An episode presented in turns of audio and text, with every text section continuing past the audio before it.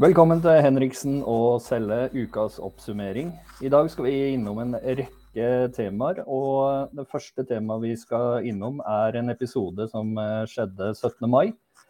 Og vi har med oss eh, Bafrin Rostami.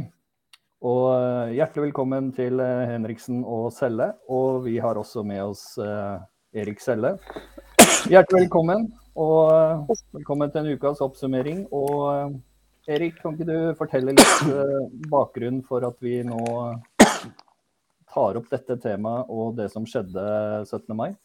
Yes. Uh, Bafrin, uh, du er jo med oss live her nå i Unnskyld. 17. mai er jo en gledens dag og en festens dag. En dag hvor vi gleder oss til alle i Norge, gutt og jente, mann og kvinne, hvit og brun, og uansett hvem vi er, gå i tog med norske flagg. Feire vår frihet og trygghet, som vi er så glad i, selvfølgelig.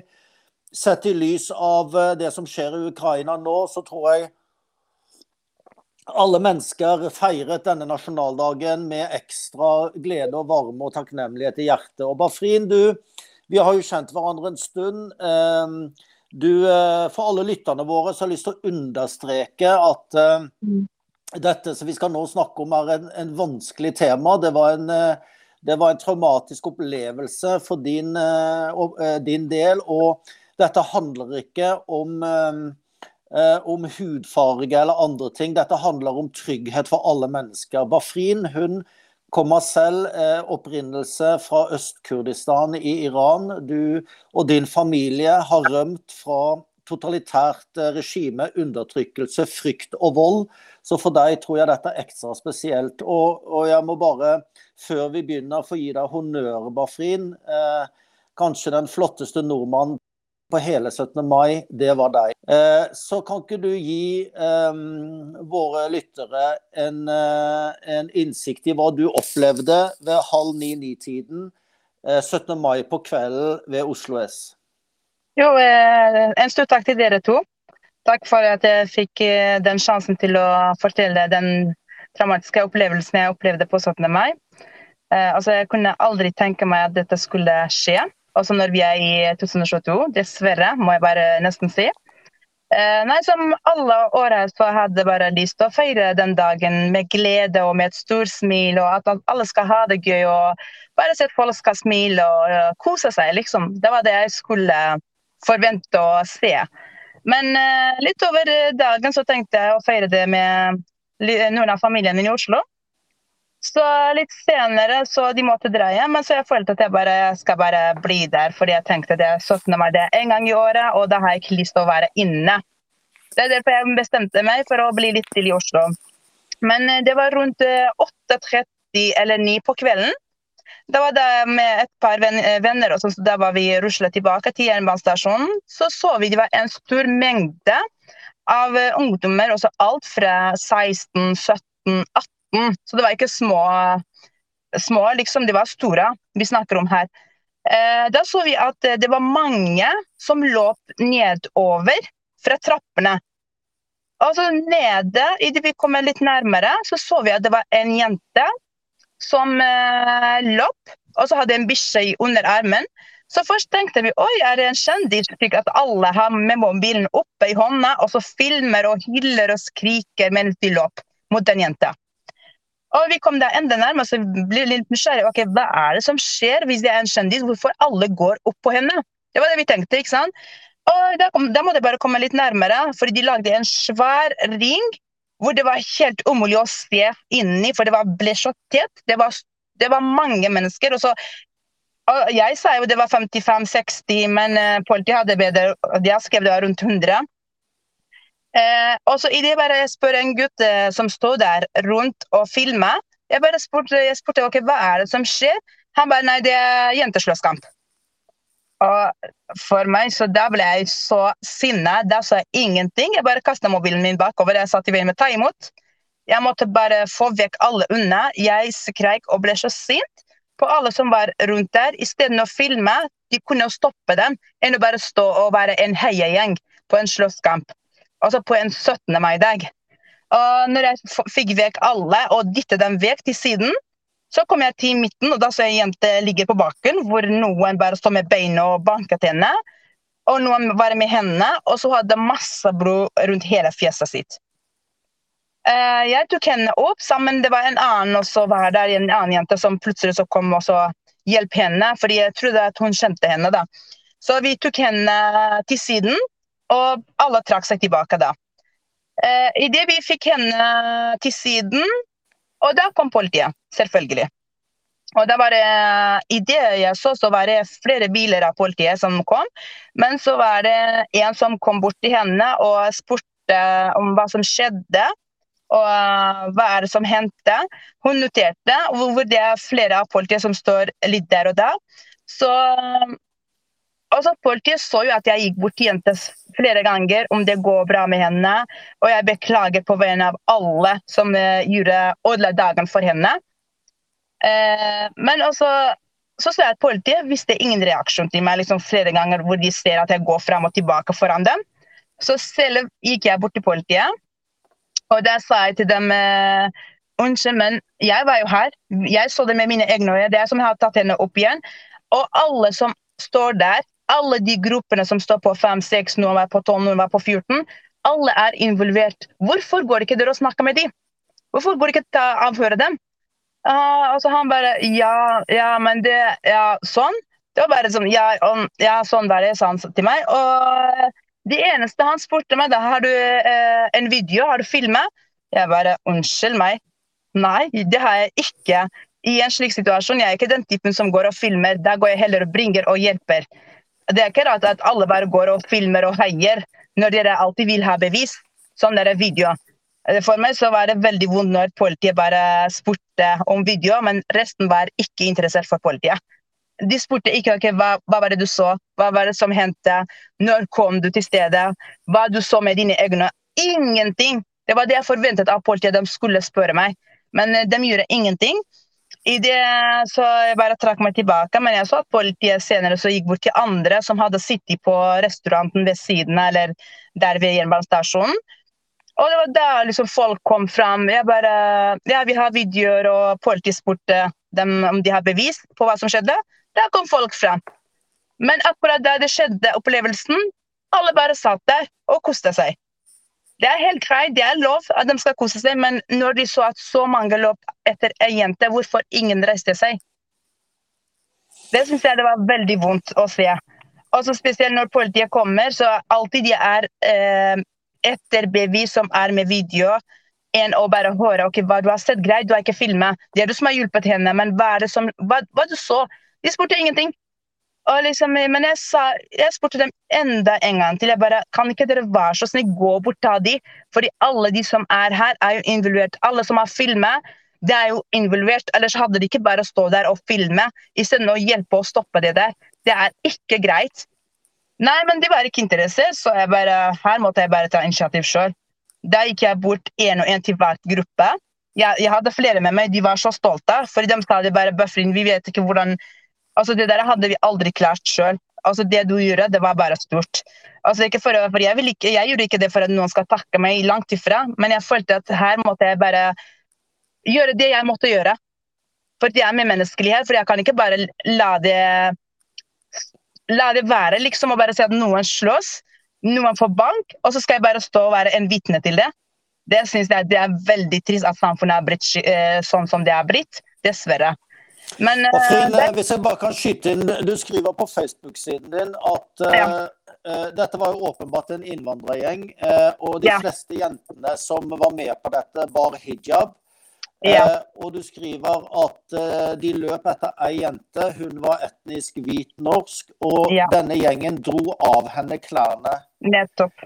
Spesielt med tanke på en jentegjeng som bærer hijab, så er jo det å dra av klærne Mm. Den ypperste form for ydmykelse.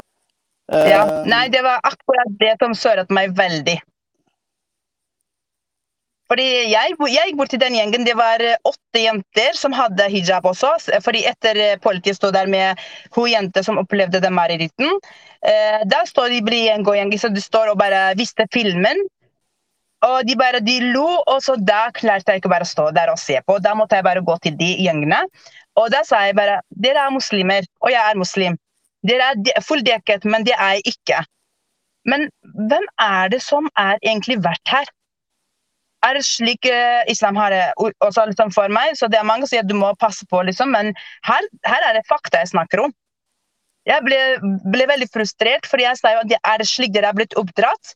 At dere kan være vitne og være en heiagjeng når dere er uh, fulldekket, men er dere med på å dra av klær på ei jente og ødelegge hele dagen hennes? Nei, altså de bare ja, beklager. Vi snakker vel kanskje til og med om å ødelegge hele livet hennes og hele hennes sosiale liv. Eh, jeg kan jo bare tenke meg hvordan det er for henne å komme på skolen på mandag med disse menneskene. Ja, altså det er veldig trist, fordi det er akkurat det jeg sa. Jeg, for jeg, jeg, sa til de jentene og de andre gjengene bare hvis, altså, Da har dere ingen rett til å snakke om rasisme. For klart at det blir rasisme når dere er oppfører dere på den måten. Hvordan skal dere forvente at den jenta skal like utlendinger? Greit, jeg er selv også utlending, og jeg selv er muslim, men jeg kan aldri finne meg i en sånn situasjon. Eller oppføre meg på den måten som de, det jeg så. For for meg altså, Ennå jeg kom hjem, jeg klarte ikke å slutte å tenke på det. Jeg, bare, jeg forstår ikke hvordan er det mulig å gjøre en altså liksom, For meg så det å snakke om så er jo veldig vanskelig. fordi jeg, ennå jeg klarer ikke tenke at det var i virkeligheten det som skjedde. Det jeg så. Mm. Altså på en 17. mai-dag. Igjen så vil jeg bare påpeke for alle som, uh, som er på ytre høyre eller ytre venstre eller hva som helst, så er altså Bafrin fra en familie som har flyktet fra frykt i Iran. Hun gjenkjenner frykt, hun gjenkjenner terror, og det var vel egentlig akkurat det du så i et lite snitt. Eh, Bafrin, jeg har bare lyst til å hylle deg for din humanitet. Eh, jeg skammer meg på vegne av norsk politi eh, og vektere og alle de som satt på kafeen. Uh, uansett hudfarge og religion, skulle, så skulle alle borgere ha grepet inn i denne situasjonen. Eh, men kan du bare vi, har, vi, kommer til å vise politiet dette, denne podkasten og dette intervjuet. Så mm. kan du bare igjen kort oppsummere din opplevelse av politiets rolle eh, i, i, det du opplevde? Eh, altså, her vil jeg være helt ærlig. Eh, for jeg har ingenting å skjule. Jeg ser det som som det er, og det er akkurat det jeg så. Jeg føler at politiet kom seint til stedet når vi har, liksom, har fått hendene opp, og det var da politiet kom. Og jeg føler at politiet gjør ikke så stort. Altså, jeg, jeg sier ikke at de gjør ingenting, de gjør jo sikkert noe, men det er ikke sånn som de skal gjøre, egentlig. De burde være fort tilgjengelige, og de burde ta saken på mer alvorlig enn det de gjorde. Fordi politiet, politiet bevitnet at denne jenta hadde fått eh, dratt av seg klærne? Ja, altså, de, de bevitnet at hun var slått. Eh, Gjengen var der fremdeles. Og som ja, ja, du så ja, ja, ja. De, de var, ble spredt i grupper. Noen ble det ti personer, noen var på 14, noen var på 12, noen var på 7. Så de alle var der igjen. Men de bare trakk seg litt unna. Men det var det jeg sa til politiet. Jeg kan ikke bare gå og snakke med dem. Jeg lover bare be dem å få videoen. Da får dere vite hvor mange som var der, som var involvert og var vitne til dette her. Ikke bare vitne for å se, men de var med for å heie. Altså, Hvem skal heie på en slåsskamp mellom to jenter? Mm. Bafrin, eh, vi lever i en, eh, i en, rettsstat, i et demokratisk land, hvor vi ønsker at politiet er de som skal bruke oppsi, eh, nødvendig vold for at mennesker skal være trygge, slik at vi ikke trenger å gjøre det selv. Eh, hvilken, hvordan føler du at norsk politi oppfylte sin rolle med voldsmonopol og, og pågripelse av kriminelle, for det er jo det de egentlig er her. Hvordan tror du denne jenta gikk ut av denne opplevelsen med sitt forhold og tillit til norsk politi? Altså, det blir litt vanskelig å si. fordi altså, For meg hadde det vært problemer, så da hadde jeg fått ikke så stor tillit til politiet. Fordi For jenter så det handler kanskje ikke bare at politiet kommer og bare spør ok, hva som skjedde, hvorfor skjedde det. Altså Sikkert hun ville de skulle bringe litt raskere. At det skulle være mer fortere tilgjengelig. Og så spesielt når vi kommer til vekter. Jeg skjønner ikke hvorfor vi har vekter overalt i byen når de har ingen makt. Fordi jeg så hvor mange vekter det var der oppe ved trappene, og de var vitne til det. Men hva gjorde de? Ingenting. De bare sto der. Altså, liksom, hvorfor har de ikke den makten? Mm.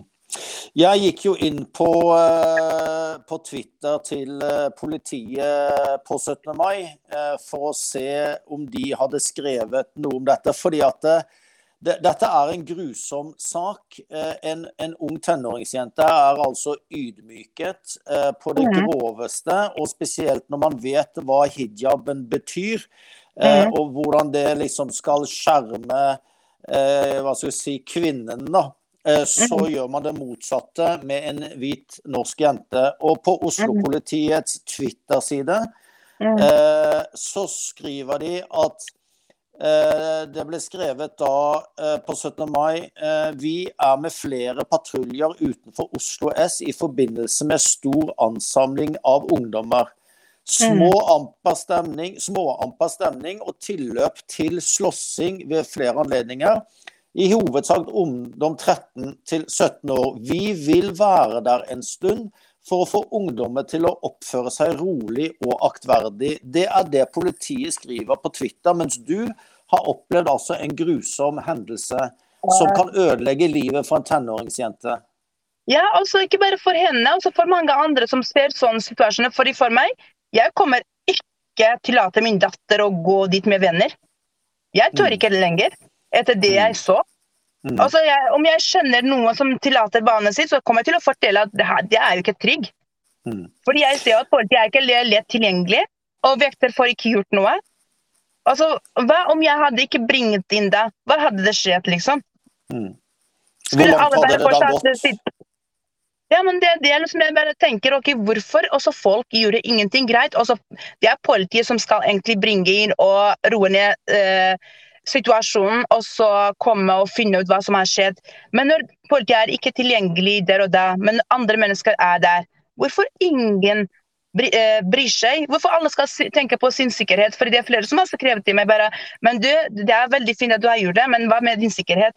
Jeg bare det, det, er ikke rart at verden har blitt sånn, eller samfunnet har blitt sånn, fordi alle tenker på sin, sin sikkerhet. er Derfor ingen tør å eh, bringe seg.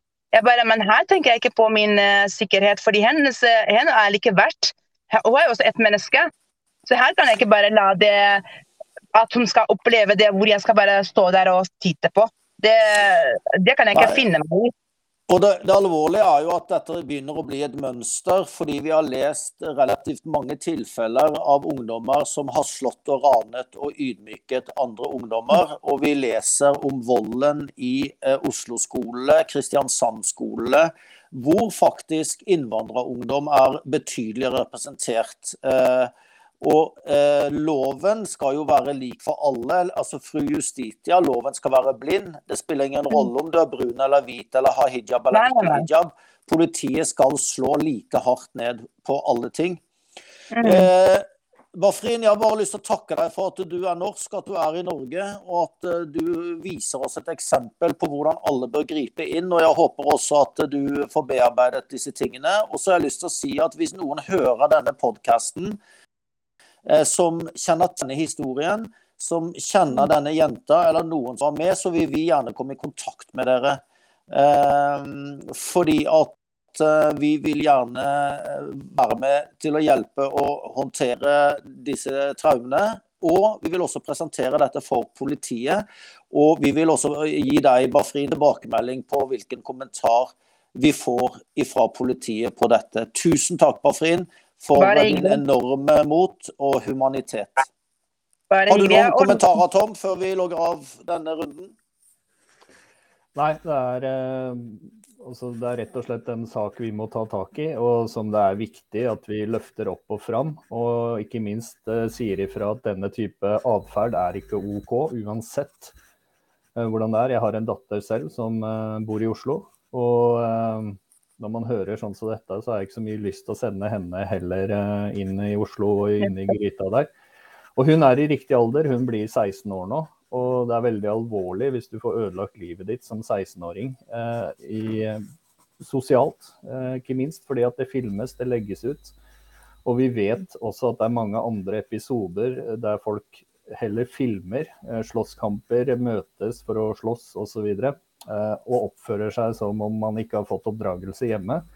Og jeg syns det er på høy tid at vi voksne nå sier ifra at uh, dette er ikke greit, det er vi ikke med på. Og det er uansett hvem det gjelder. Uh, og det handler ikke om hvor du kommer fra eller hvem noe av den typen.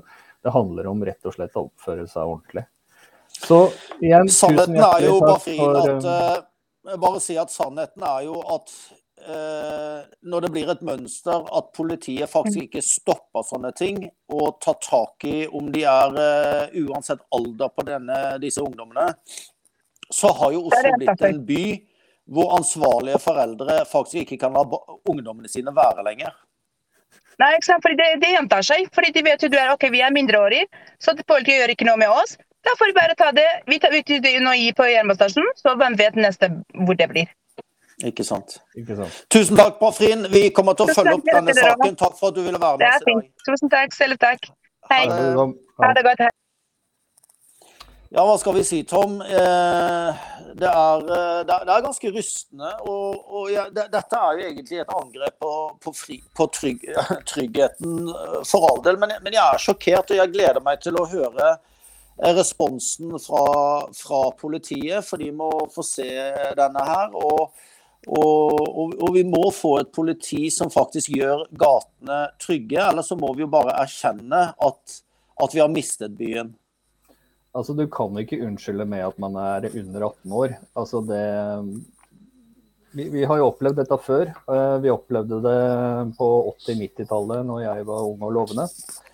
Og vi kunne jo ikke dra inn til Oslo City f.eks., for eksempel, fordi der var en gjeng med ungdommer under 18 år og som da fikk lov å holde på akkurat sånn som de ville. Det måtte en endring til fra politiet der de gikk aktivt inn. og De gikk inn med harde midler for å knekke opp dette her. Men da hadde det jo allerede fått lov å pågå i så mange år at det var utrygt for eh, oss som var ungdommer og vokste opp, å kunne dra inn til Oslo. Vi er på vei inn i akkurat det samme nå igjen.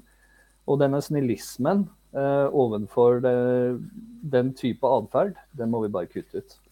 Det, det, er helt riktig som du sier, eh, Tom. Og jeg gikk jo på, selv på ungdomsskole på eh, begynnelsen av 80-tallet. Eh, på Kristelig gymnasium øverst i, eller langt oppe i Pilestredet ved Bislett. Eh, og jeg husker jo selv, som du sier, disse gjengene som forankret seg. Jeg pleide jo da å ta Eh, gjerne toget fra, fra Nationaltheatret, men aller helst så tok jeg trikken eh, til Jabru fra, eh, fra Jernbanetorget. Og vi måtte jo i store perioder gå omvei rundt spesielt området Grensen. Mm. For der var gjengene, og de hadde ganske mye kontroll på gatene og banket opp hvem de ville. Jeg husker jeg løp, måtte løpe fra en gjeng to ganger. Og så kom det en mann som het Willy Haugli Eh, og jeg husker veldig veldig godt eh, den dagen Willy Haugli ble politimester i Oslo. Jeg husker hva han sa i intervjuer før han begynte på jobben. Han sa at eh, Oslo er min by. Jeg skal ta Oslo tilbake. Jeg er sjefen i Oslo. Og da Willy hadde tiltrådt, så kom jeg med trikk fra Jabru ned til Jernbanetorget. Og plutselig så så jeg to politibetjenter på trikkestoppet. Så gikk jeg opp til Kirkeristen, og der så jeg to nye. Så gikk jeg opp til Glassmagasinet, der så jeg to nye. Så kom jeg opp, på, e, på, opp i grensen, sto det hele veien. Den dagen gikk jeg til KG opp Pilestredet. Og det, jeg var hele tiden så jeg to politibetjenter. Det vil si, han satt tilstedeværelse overalt. Og så husker vi eh, hvordan han gikk inn og gjorde faktisk Oslo til en trygg by i løpet av noen få måneder. Og Vi husker jo alle den legendariske ryddingen av Stortorvets gjestgiveri, hvor, eh, hvor de som hånte han spurte hvorfor sendte du ikke like gjerne inn hestene dine. Og Da sa han rett og slett at det var for lavt ved inngangsdøren til å få hestene inn der. Men det er den type politimester vi trenger i Oslo. Eh, sosionompolitiet har ingen behov for. Eh, vi trenger et politi i Oslo som gjør som Vilje Hauglie, og bruker de midlene som er nødvendig for å gjøre byen trygg. Sånn at ei jente på 16 år, om hun har hijab eller ikke hijab, om hun er hvit eller brun, eh, kan ta T-banen til trening uten fare for, eh, for, overgrep og mishandling. Og dette er jo ikke noe nytt. Dette har vi hatt ganske lenge nå, for det er lenge siden Willy Hauglie. Uh, og vi vet hvordan gjenger har terrorisert T-banestopp og skoler. Vi vet at NRK skal lage program om Groruddalen, men nekter intervjue folk som gir et bilde som ikke passer narrativet av den lykkelige multikulturen i dette tilfellet. da. Men gjengene på 80-tallet var like fæle, og det var jo uh, ulike altså, norske gjenger. Så poenget her er volden skal stoppe uansett hvem det er eller hvor det kommer fra. Og det er faktisk politiets hovedoppgave å gjøre det. Altså, Vi har jo prøvd dialogpolitiet og vi har jo prøvd internettpolitiet nå i ganske mange år. Og vi ser jo at det feiler gang på gang på gang. Uh, du må trykke hardt til. Altså, i Sverige, for å bruke litt eksempler, så ser vi at man har ikke noe respekt for politiet. Man kaster stein, man brenner politibiler, man stjeler politibiler. Uh, og man setter fyr på dem osv. Altså, det handler om respekt for loven, respekt for samfunnet, respekt for uh, dem du lever sammen med. Og når vi har mista den, så er vi nødt til å tråkke til harde. Og da nytter ikke å holde på med som du sier, sosionompolitiet, eller jeg kaller dem dialogpolitiet, som egentlig bare skal stå der og prate. Men en ting kan du være sikker på. Hvis du kjører for fort, da blir du tatt. Og da får du både bot og fengsel og full pakke og alt mulig sånn. Ødelegger du livet til en ung jente på 16 år? Ja, nei, det er ikke Vi skal se på det. Men igjen, jeg, jeg skjønner at de vil ha video, for de, politiet jobber ofte i etterkant med å identifisere og den type ting. Problemet er at hvis du står og ser på det, om det er folk rundt som ser på det og ikke griper inn, så ødelegger altså traumet det mennesket opplever, kan kanskje ødelegge livet dem for evig og alltid. Derfor er det viktig at vi setter fokus på dette nå, ikke alltid skal være etterpåkloke og, og tro at eh, det nytter. For det er jo allerede for seint, du har ødelagt ditt liv. Uh, vi, vi Men det er jo åpenbart, Tom, at uh, Bafrin sier at hun står der med en norsk jente som de har revet klærne av på. Politiet står sammen med Bafrin og en naken norsk jente. Eh, hun hadde noe truse på, eller noe sånt, for den hadde de ikke fått eh, tatt av. Men det er mer enn nok til å traumatisere jenta eh, i resten av ungdomstiden. Og politiet tok ikke Bafrin inn til avhør. Politiet spurte ikke Bafrin hvem av disse var det som gjorde det. Og Ifølge det Brafin sier, så, tok de ikke noen av de andre inn til avhør heller. Og det er, det er opptreden av et, det, Sånn opptreden vil vi ikke ha av norsk politi. Og Da er det politiets ledelse eh, vi må ta tak i, pluss eh, de som eh, er på bakken. Men kanskje politiet faktisk er så redd for å bli anklaget for, for, bruk av makt at de unnlater å gjøre det. Og dermed så overfører du bare makt til, til andre. Altså, Du kan ikke gi bermen makt, for å bruke et godt norsk ord. Får bermen styre, så, så styrer de. Får de lov, så gjør de det. Og, og Vi har jo sett dette tidligere i Oslo. altså Vi så jo hvordan Blitz fikk handlingsrom. Det Blitz var jo rulet i Oslo på høyden av hele min tenåringstid. Og det var jo påfallende å se hvordan Blitz fikk handlingsrom av politiet som ingen andre fikk. De hadde egne lover, de, og eget slakk. Hvis vi hadde okkupert én leilighet istedenfor et helt bygg, så hadde vi jo blitt kasta ut uansett. Så eh, det tok jo ganske lang tid før politiet begynte å håndtere eh, Blitz i nærheten av det de burde. Så det, er liksom ikke noe nytt, dette her, men det blir liksom mye mer alvor. For dette er et nytt nivå av, av brutalitet. Eh, når en hijab-gjeng river klærne av en norsk jente uten hijab, så må man liksom forstå litt det ligger en ekstra dimensjon av ydmykelse der som er overlagt, og, det må faktisk politiet adressere. Men du, jeg tror vi må gå videre, fordi dette er såpass rystende. Nå, dere som uh, lytter på podkasten vår, har hørt en, uh, en, historie. og Bare understreke uh, og takke Bafrin for at hun faktisk grep inn. Det var ingen av de hvite norske som satt på kafeen som grep inn. Det var det vår kjære Bafrin Rostami som gjorde. og vi gleder oss, eller jeg vil ikke si vi gleder oss, men vi forventer en respons eh, fra politiet som du får høre i en senere podkast. Skal vi gå til WHO, eller? Ja, jeg tenkte vi skulle en tur innom der. Altså Verdens helseorganisasjon eh, er jo eh, og har sine møter nå. Nå skal jo Davos-gjengen også samles om noen dager. Og i den forbindelse så, så har det vært hviska litt i kriker og kroker der jeg har vært aktiv på sosiale medier, om at det skulle være en avtale der WHO skulle få mer makt over nasjonalstatene eh, ved neste krise. Da. Og det viser seg nå da, å komme fram at eh, det er USA som har, eh, har lagt inn en eh, tilleggsgreie. og det, det, det, er litt sånn skremmende at man skal gi, gi rett og slett et ikke folkevalgt organ muligheten til å overstyre nasjonale lover og regler. Og man kan heller ikke gå imot det, uh, som det står i denne artikkelen. Og det, det, det, skremte meg litt at vi er kommet så langt at vi er villige til å gi fra oss makt til ikke folkevalgte mennesker. Vi har EU, der vet vi også at uh, et eget organ som ikke er folkevalgt, og som styrer det meste. Men nå skal du gi enda mer makt. Og dette gjelder da 194 stater. Og eh, Erik, dette har jo vi advart mot i lang tid. Og det har vi gjort. og, og det er altså 22. til 28. mai i Genéve i Sveits, dvs. Si, eh, kommende uke. Det er den 75. samlingen av World Health Assembly. Det er altså styringsorganisasjonen til Verdens helseorganisasjon. Og som Tom eh, påpeker, så ligger det altså nå forslag som skal eh, da eh, voteres over. Og det ser ut bl.a. Norge har allerede gått ut og støttet dette her. At Verdens helseorganisasjon skal tildeles juridisk eh, altså autoritet, hvor de har juridisk overstyring av eh, folkevalgte eh, myndighetene i et land eh, til å instruere eh, om hvordan man skal håndtere fremtidige pandemihåndteringer.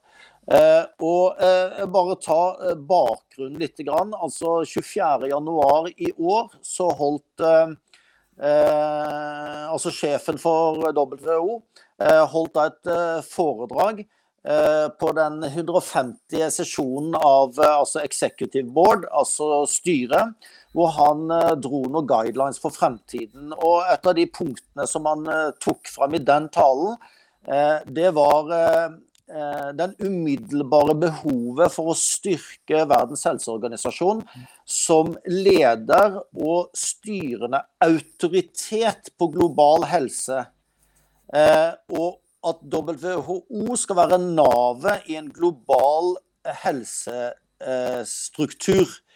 Um, og dette, dette, er liksom fine ord som, som går litt over hodet på vanlige folk, tror jeg. Fordi de pakker inn realitetene i eh, semantikk som egentlig ingen eh, tenker at man kan være imot. Fordi at eh, du vil bli kalt for konspirasjonsteoretiker hvis du på en måte begynner å analysere innholdet i det de sier. Um, Eh, og i 30. mars eh, så var det eh, altså 25 statsoverhoder som kom sammen på en ekstraordinær møte. hvor man håndterte da spørsmål om en internasjonal pandemistrategi. Eh, og dette møtet eh, leder da opp mot det vi ser nå i Genéve neste uke. Og en av de som var eh, sentral her, er vår egen Erna Solberg. Altså Det var 30. mars 2021, altså allerede for ett år siden, da hun var fremdeles statsminister. Da, da var det altså 25 heads of state som sa at vi må ha en, en samling, uh, global samling av pandemihåndtering, og det høres fint ut. Og så kommer da direktøren med sin tale, hvor han legger frem at de skal få mer autoritet. Og så kommer det nå hvor dette, som er egentlig en samling av gode intensjoner, for å si det sånn, at vi skal få en bedre Hvem vil ikke ha en god pandemihåndtering eh, hvis vi får det? Så har det blitt til suverenitetsavståelse direkte i strid med Grunnloven, hvor Verdens helseorganisasjon skal altså få styrende beslutningsmakt over storting og regjering i hvordan Norge skal håndtere en pandemi. Det vil si at man kan få med alle de ulike nasjonal... Eh, altså alle de ulike situasjonene, da. alle de ulike forutsetningene, alle de ulike eh, premissene i ulike land, så skal WHO overstyre alt. Og Det betyr jo, vi vet jo at lederen for WHO fra Etiopia har marxistisk bakgrunn med tette bånd til Kina.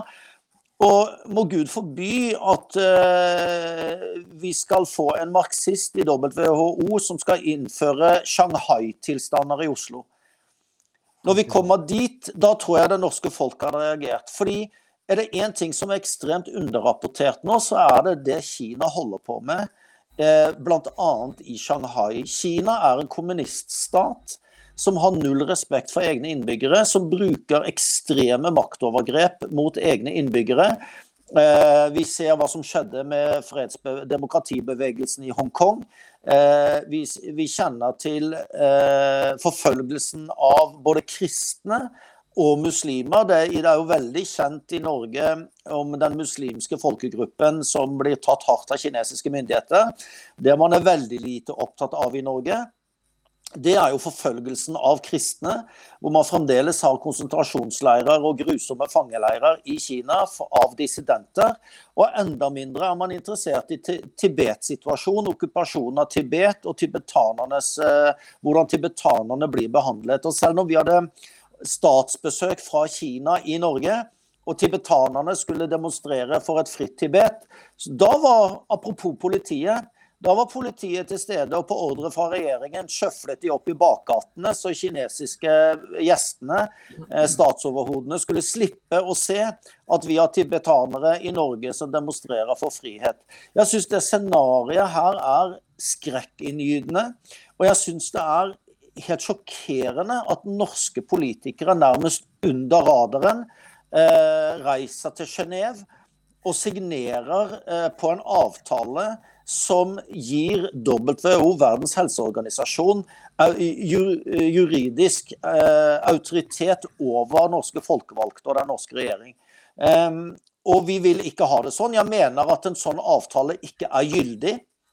Simpelthen. Om eh, Støres regjering sender representanter og signerer eh, denne avtalen i Genéve neste uke, så er den faktisk ikke gyldig fordi den er i strid med Grunnloven.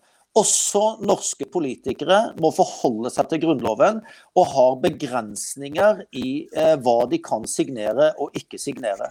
Og Det er det litt det samme som FNs migrasjonsplan, eh, ACER og faktisk EØS-avtalen, som vi har tatt opp mange ganger, også på radio når vi var der, eh, Tom.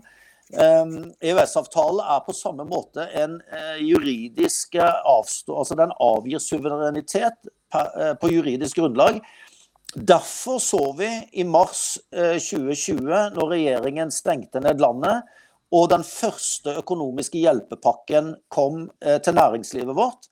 Da gikk det altså 14 dager fra den ble annonsert på, i brask og bram på TV, til den kunne bli implementert, for de ventet på godkjenning fra EU. Eh, e og jeg kan ikke si annet enn at nå må velgerne våkne. Og det spiller ingen rolle om det er Arbeiderpartiet eller Høyre. Og vi ser på meningsmålingene nå at det norske folk eh, rangerer Støre-regjeringen med Vedum som haleheng eh, lavt på tillitsskalaen. Og Høyre får tilstrømning på eh, meningsmålingene. Og det er det overhodet ingen grunn til, for det er ikke noe forskjell på Høyre og Arbeiderpartiet lenger. De leder hver sine grupper, men går i samme retning. Og jeg kan ikke si det sterkt nok. Dette er ikke legalt politisk arbeid fra norske politiske side. Du kan ikke avgi suverenitet i strid med Grunnloven. Og jeg syns det er sjokkerende at det går under radaren. Jo, men altså, vi har jo sett over mange år nå der politikerne har fått mer og mer makt og brydd seg mindre og mindre om uh, velgerne. Og, og, det har blitt en uh, altså det, Dette snakka vi mye om i valgkampen allerede i 2019, og gjerne før det også. Det, det blir en egen klasse av politikerne uh, som blir styrt av partiet. Og det vil jo si at demokratiet styres per definisjon av et parti. Og Høyre, Arbeiderpartiet osv. Alle politikerne som kommer opp der, de skal stå inne for en viss uh, måte å tenke på. Uh, de skal stå inne for en viss måte å jobbe på. Og de skal forholde seg til maskineriet, som er partiet, og ikke velgerne. Uh, fordi maskineriet, som er så svært, og det er jo mange millioner kroner de har til rådighet hver eneste valgkamp. og dette må du følge, og hvis ikke så får du ikke stå på listene og komme inn på Stortinget og den type ting. Altså, Suverenitetsavståelse, det å gå bort ifra velgernes ønske, det, det, det, har vi holdt på med i mange år. Og kanskje så mye som et par tiår. Eh, jeg vil dra litt til USA nå. Der ser vi en uh, grasrotopprør i det, det, republikanske partiet. Der Trump sier at du skal sette USA først, og så skal du sette velgerne først. Uh, det er din jobb som politiker. Og jeg har sett i avisene nå at de liker å si at han tapte den og den og den, men han, hans kandidater har tapt to. Og han har vunnet, nå er det vel snart 80 nye seter rundt omkring i forskjellige lovgivende eh, organer i USA. Det betyr det at det er på grasrotnivået nå, så sier velgerne helt tydelig ifra. Vi vil at du som politiker du skal jobbe for oss, og du skal jobbe for landet vårt. Ferdig med det. Og ikke for partiet ditt, eller for deg selv, eller for andre overnasjonale organisasjoner. Eh, I dag får vi jo vite at eh, Erna har fått seg ny eh, fet jobb i eh, Global Citizens som eh, også er en privat organisasjon med full tilgang til alle verdens eh, ledere. Og, og igjen så, så, betyr det det at dette blir en sånn liten elite av politikere som kommer sammen, har mulighet til å påvirke andre politikere i høye verv rundt omkring. Statsministre, presidenter og den type ting uten å måtte forhøre seg eller forholde seg til velgerne. Og dette er det jeg syns er virkelig skummelt. Det er når du går bort ifra. For det er jo tilbake igjen til eh, aristokratiet som vi hadde styrte på, på 1500-1400-tallet. Altså Vi er tilbake, bare at nå er det politikere. Og det er en eh, utvikling jeg ikke vil være med på. Og ehm, denne her. Jeg er helt enig. Vi trenger en renessanse av nasjonalstaten. Eh, men som du påpeker, eh, valgtendensen i USA, men vi ser det også rundt i Europa. Det blåser en konservativ vind. For, det, for det, dette her, det er eh, Man går egentlig bort fra folkestyrekonseptet. Og man sier åpent at man har ikke tillit til at befolkningen vet sitt eget beste. Altså Erna Solberg i Høyre eh, hun sier på en ganske nedlatende og arrogant måte at hun er mot folkeavstemninger. Rett og slett for folket vet, eh, vet ikke hva de driver med, de kan ingenting. Eh, det får holde at vi stemmer ved stortingsvalg. I tillegg så har de da fjernet muligheten for å effektivt kumulere og stryke på stortingsvalg. For jeg skulle likt å se hvor mange på Høyres liste av de verste klimafanatikerne og globalistene på Høyres liste som hadde blitt strøket hvis velgerne hadde hatt innflytelse på stortingslisten og ikke bare på parti. Eh, det er jo litt sånn som Jan Bøhler i Arbeiderpartiet, som ble upopulær i Arbeiderpartiet, men var kanskje Oslos mest populære politiker på tvers av alle partier. Eh, hvis, kunnet, eh, hvis, velgerne hadde hatt makten over stortingsvalget, så er jeg helt sikker på at Arbeiderpartiet kunne satt Jan Bøhler på sisteplassen på listen sin, og han hadde kommet inn med flest stemmer og fått flest slengere fra andre lister. Og Siden ikke det er mulig, så måtte han gå inn i Senterpartiet. og De prøvde å løfte han opp der, men som vi alle vet, så fungerte ikke det noe særlig. Så vi har en systematisk undergraving av folkestyret Eh, uten, og de vet veldig godt hva de gjør, men det kommuniseres ikke eh, den intensjonen eh, de har. Så fra vår lille podkast i dag, så, så uh, håper jeg ja, Dessverre tror jeg at når vi møtes neste fredag, så vil vi oppsummere og se at Norge signerte på dette her. Uh, men partiet De kristne, som vi representerer, Tom, er et konservativt folkeparti.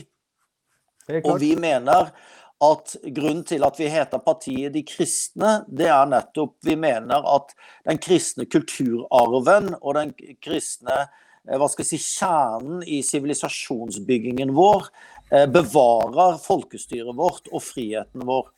Men vi er altså et konservativt folkeparti for deg, uavhengig om du er ateist eller uh, om du er muslim for den del. Hvis du holder de konservative idealene høyt, uh, som familien og nasjonalstaten og individets rettigheter og trygghet og plikter, så er altså PDK partiet for deg. Og jeg tror at velgerne, hvis, hvis ikke vi skal liksom gi opp, hvis velgerne bare fortsetter å velge mellom Arbeiderpartiet og Høyre, så seiler vi lukt inn i en virkelighet hvor vi våkner opp en dag hvor WHO styrer helsepolitikken vår, EU styrer næringspolitikken vår, og kanskje neste ting vi kan snakke om, er amerikanske militærbaser som nå skal permanent bygges i Norge. Fordi eh, norske politikere gidder å bruke norske penger på norsk forsvar, som har blitt enda mer avhengig, ikke av Nato, men USA. Um, og jeg var i en debatt Tom, eh, for et par år siden når man diskuterte langtidsplanen for Forsvaret, eh, hvor dette kom frem at amerikanerne skulle ha fast stasjonerte eh, styrker i Norge, som er et brudd på basepolitikken som Norge har ført siden krigen. Og basepolitikken, det, det betyr for deg som hører på, at Norge i vår sikkerhetspolitiske tilnærming, da spesielt til Russland selvfølgelig, og Sovjetunionen den kalde krigen, det var både avskrekking eh, og konfliktdemping. Og Derfor så sa vi at vi er Nato-allierte. Veldig sterke og gode Nato-venner. Det er både du og jeg, Tom. Samtidig så har vi sagt at den basepolitikken den tilsa at amerikanerne ikke skulle være fast stasjonert i Norge. Vil si at Sovjet eller Russland ikke skulle anse Norge som et oppmarsjområde for eh, en angrepssituasjon mot Sovjetunionen og Russland, og det har tjent oss veldig godt. Og det man burde gjøre, det var jo selvfølgelig å bygge opp nasjonal forsvarsevne og nasjonal forsvarskapasitet.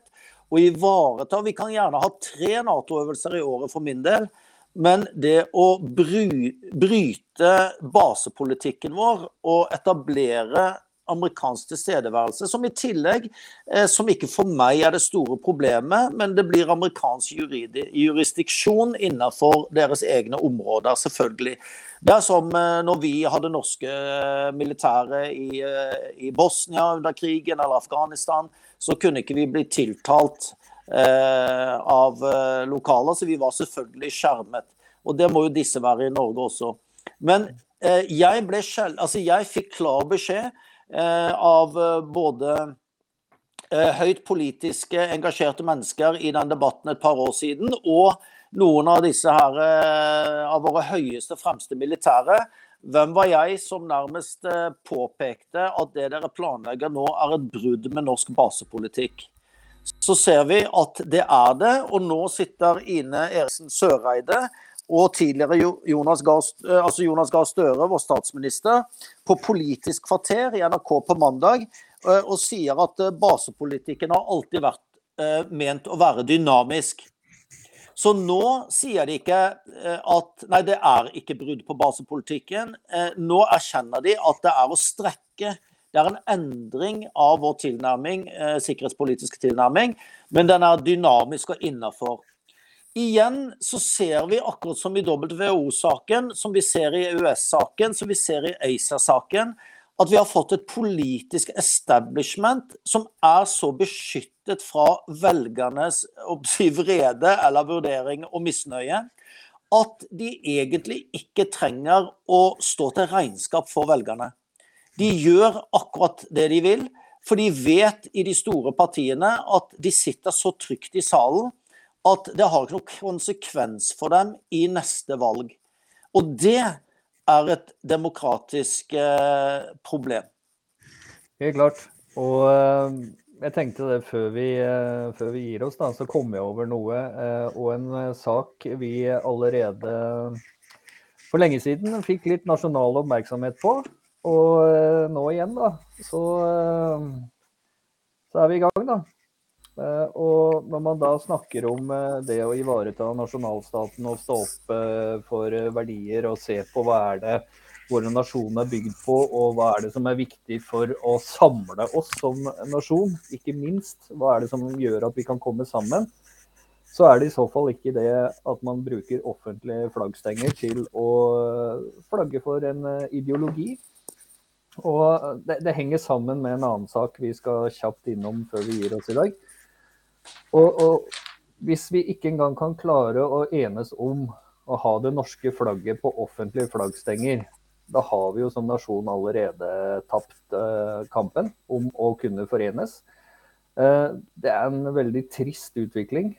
Ideologiske symboler har ikke noe å gjøre i det offentlige rom, sånn sett. Da. Og da tenker jeg offentlige flaggstenger osv. Og, og det var jo både du og uh, Lars Kåre Katla i sin tid som fikk skikkelig på pukkelen. Og vi klarte jo å få hele Bømlo eh, plastra med uh, disse prideflaggene etter at vi gikk ut og sa kun norske flagg på norske flaggstenger. Og det er kanskje mulig vi skal gjøre det en gang til? Hva tenker du, Erik?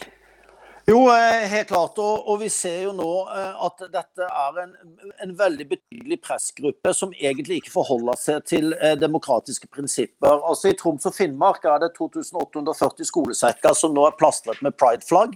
Og vi har faktisk heldigvis fått en folkeaksjon, eh, foreldrenettverket.no, som sier at pride-ideologien er snikinnført i skolen. Eh, og det er akkurat det det er. Det er en ideologi som faktisk er eh, stikk i strid med kristen etikk. Eh, og ja, Vi hadde jo en veldig kamp rundt dette som du påpeker med flagg, eh, hvor, hvor, Stortinget har abdisert. Istedenfor å ha én flagglov for hele Norge, så er det opp til kommunene hvilke flagg man skal ha. Det betyr at har vi et konservativt kommunestyre i én periode, så kan, man, eh, så kan man ikke flagge med prideflagg. Har man et liberalt eh, kommunestyre neste periode, så kan man eh, flagge med prideflagg. Og, og pride er jo bare et eksempel. Det er jo ikke begrenset til det, men det var det som selvfølgelig har vært brekkstangen. Vi må ha en nasjonalstat, og det er det jeg er litt bekymret for, Tom. Når du ser det vi har snakket om i sum i dag, handler egentlig om På den ene siden så avgir norske politikere suverenitet oppover, altså ut av landet, til udemokratiske globale institusjoner. På den andre side så devaluerer man eh, lovverket og desentraliserer beslutninger ned på kommunenivå, som burde vært nasjonale eh, lovverk og føringer. Så man svekker på en måte eh, Stortinget vårt og Stortingets makt og regjeringens makt i begge ender.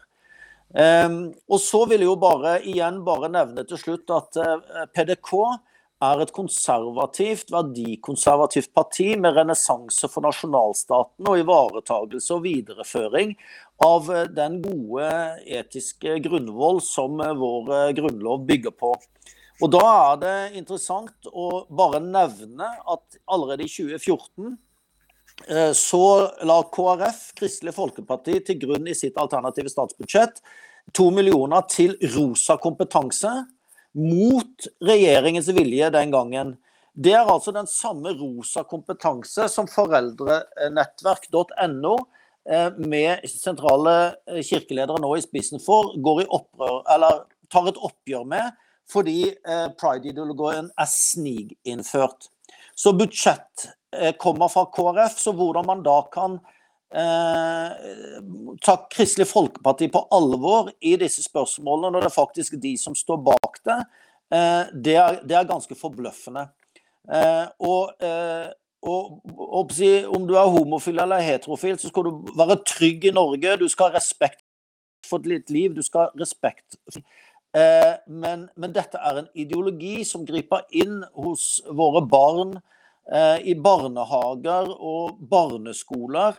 Eh, man seksualiserer barn som ikke har noen forutsetning for det. Og, og det inviterer jeg både homofile og heterofile til å være med på å sette en stopper for. Og Jeg har lyst til å understreke det, at denne pride-ideologien som går inn i barnehagen og forvirrer barn som ikke forstår hva sex er engang, eh, om kjønnsidentitet, eh, det er så forvirrende at jeg opplever jo eh, homofile som, som, kommer til meg og sier at vi støtter PDK. Fordi at vi tar alle menneskers integritet på alvor.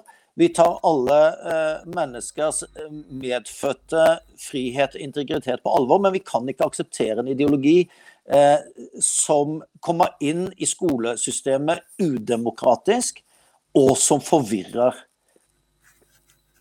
Helt klart.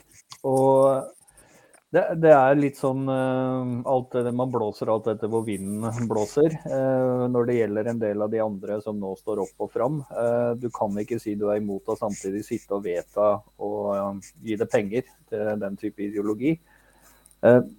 Igjen, vi, vi, vi, ser nå jo Jeg, må hele tida gå litt tilbake til USA, for de ligger et, par år foran oss når det gjelder dette her. da, Med drag queen-teamer, med lærere som nå faktisk blir dømt for å drive en eh, seksualundervisning som har gått ut over det som man kanskje ville forvente fra en seksualundervisning. Eh, man har tatt barn, gjort dem så forvirra at uh, de ikke engang vet hvilket kjønn de er. Uh, de har da laga egne hemmelige grupper for at foreldrene ikke skal få vite det osv. Og i Norge så er det jo også sånn at er du blitt 16 år, og sånn, så trenger ikke du å informere foreldrene dine om noe medisinske tiltak. uh, som du da ønsker å få utført. Igjen, eh, så, så begynner man liksom, man flytter grensene hele tiden. Og det har jo også denne ideologien som da eh, ligger bak flagg. For det er ikke bare et flagg, det er en ideologi. Det er en forening. Og, og det er en måte å se verden på. Og hvis man liksom bare kjøper disse her små bitene man serverer gang på gang på gang, så begynner man å flytte merkesteinen for hva som er greit og ikke greit. Ikke Nå er det 16 år, du kan ta medisinske avgjørelser sjøl. Når begynner den å krype nedover? Og vi vet at de vil helt ned i barnehagenivå eh, osv. Når er nok nok? Eh, vi har sagt det i mange år. Nok er nok. Vi vil ikke ha det sånn. Vi ønsker å ha et normalt samfunn med god etisk og moralsk og eh, uten at man skal dra det ut i det ytterste. Og mange tror at vi er et sånn ytterkampparti. Eh, det har vi eh, ikke vært, og ikke er vi det. sånn sett. Men vi har en moral og en etikk som er basert på en tro. Og dermed så, så går vi mot denne strømningen vi ser i samfunnet og har sett de siste mange årene. da. Altså, jeg var medlem i Unge Høyre på 80-tallet, eh, og jeg var aktiv i eh, Høyre på slutten av eh, forrige årtusen. Og jeg ble intervjuet av en journalist her for noen år siden hvor jeg forklarte partiet De kristnes politikk. Og da, da første kommentaren når jeg hadde redegjort for verdipolitikken, familiepolitikken, vår økonomiske politikk, forsvarspolitikk, sikkerhetspolitikk, eh, helsepolitikk. Så sa han men dere er jo egentlig det gamle Høyre. Ikke sant. Og det er, helt, det er faktisk veldig godt oppsummert. Eh, for det Høyre vi ser i dag, er et radikalisert, eh, globalistisk parti som har en klimafanatisme på linje med MDG. Mens vi representerer egentlig Edmund Burkes eh, Høyre. Eh, Kåre Willoch eh, var jo en ledestjerne som statsmann eh, på 80-tallet.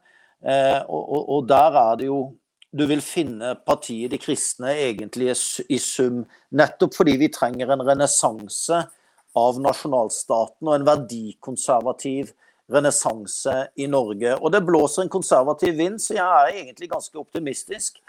Ehm, eh, og da får jeg sitere en annen, eh, en annen eh, menneskerettighetsbevegelse som sa at dette ser håpløst ut, vi gir oss aldri.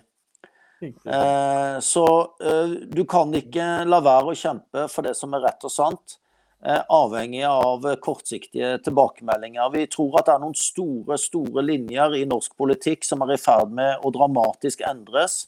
Eh, og det skjer litt i det skjulte. Det ser, skjer eh, tåkelagt. Det skjer uten en åpen og ærlig debatt. Og alle disse tingene burde vært folkeavstemninger, det vi har snakket om i dag, med unntatt av, av intervjuet med Bafrin. Men, men, en signatur på WHO, eh, Verdens helseorganisasjons eh, nye status, burde vært lagt ut til folkeavstemning, faktisk. Og basepolitikken skal den endres, så må det legges ut til folkeavstemning. Eh, skal eh, pride-ideologien innføres som den har blitt gjort, så burde det vært folkeavstemning. Eh, skulle disse skolesekkene i Troms og Finnmark utstyres med pridesekker, så burde det vært folkeavstemning i Troms og Finnmark. På en eller annen måte så må vi få makten tilbake til velgerne og til folket. Med mindre begrepet folkestyre i Norge er et tilbakelagt stadium og en ren illusjon.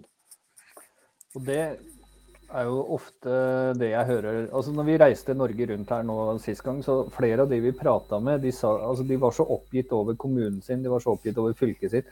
For uansett hva de gjorde, så følte de seg eh, ikke hørt, ikke sett. Eh, søknadsprosesser for å få bevilgninger eller få lov til eller et eller annet sånt, det tok veldig lang tid. Det var ofte eh, hvem du kjente osv. Eh, altså, de følte en frustrasjon over at det instansen som er der for å hjelpe deg, er blitt noe helt annet enn det det var tiltenkt å bli. Og hvis du ikke stemmer på noe nytt, så vil det fortsette å være sånn. Altså Vi ser, vi har hatt fire år med Høyre, vi har hatt fire år med Arbeiderpartiet. Det er ingen forandring.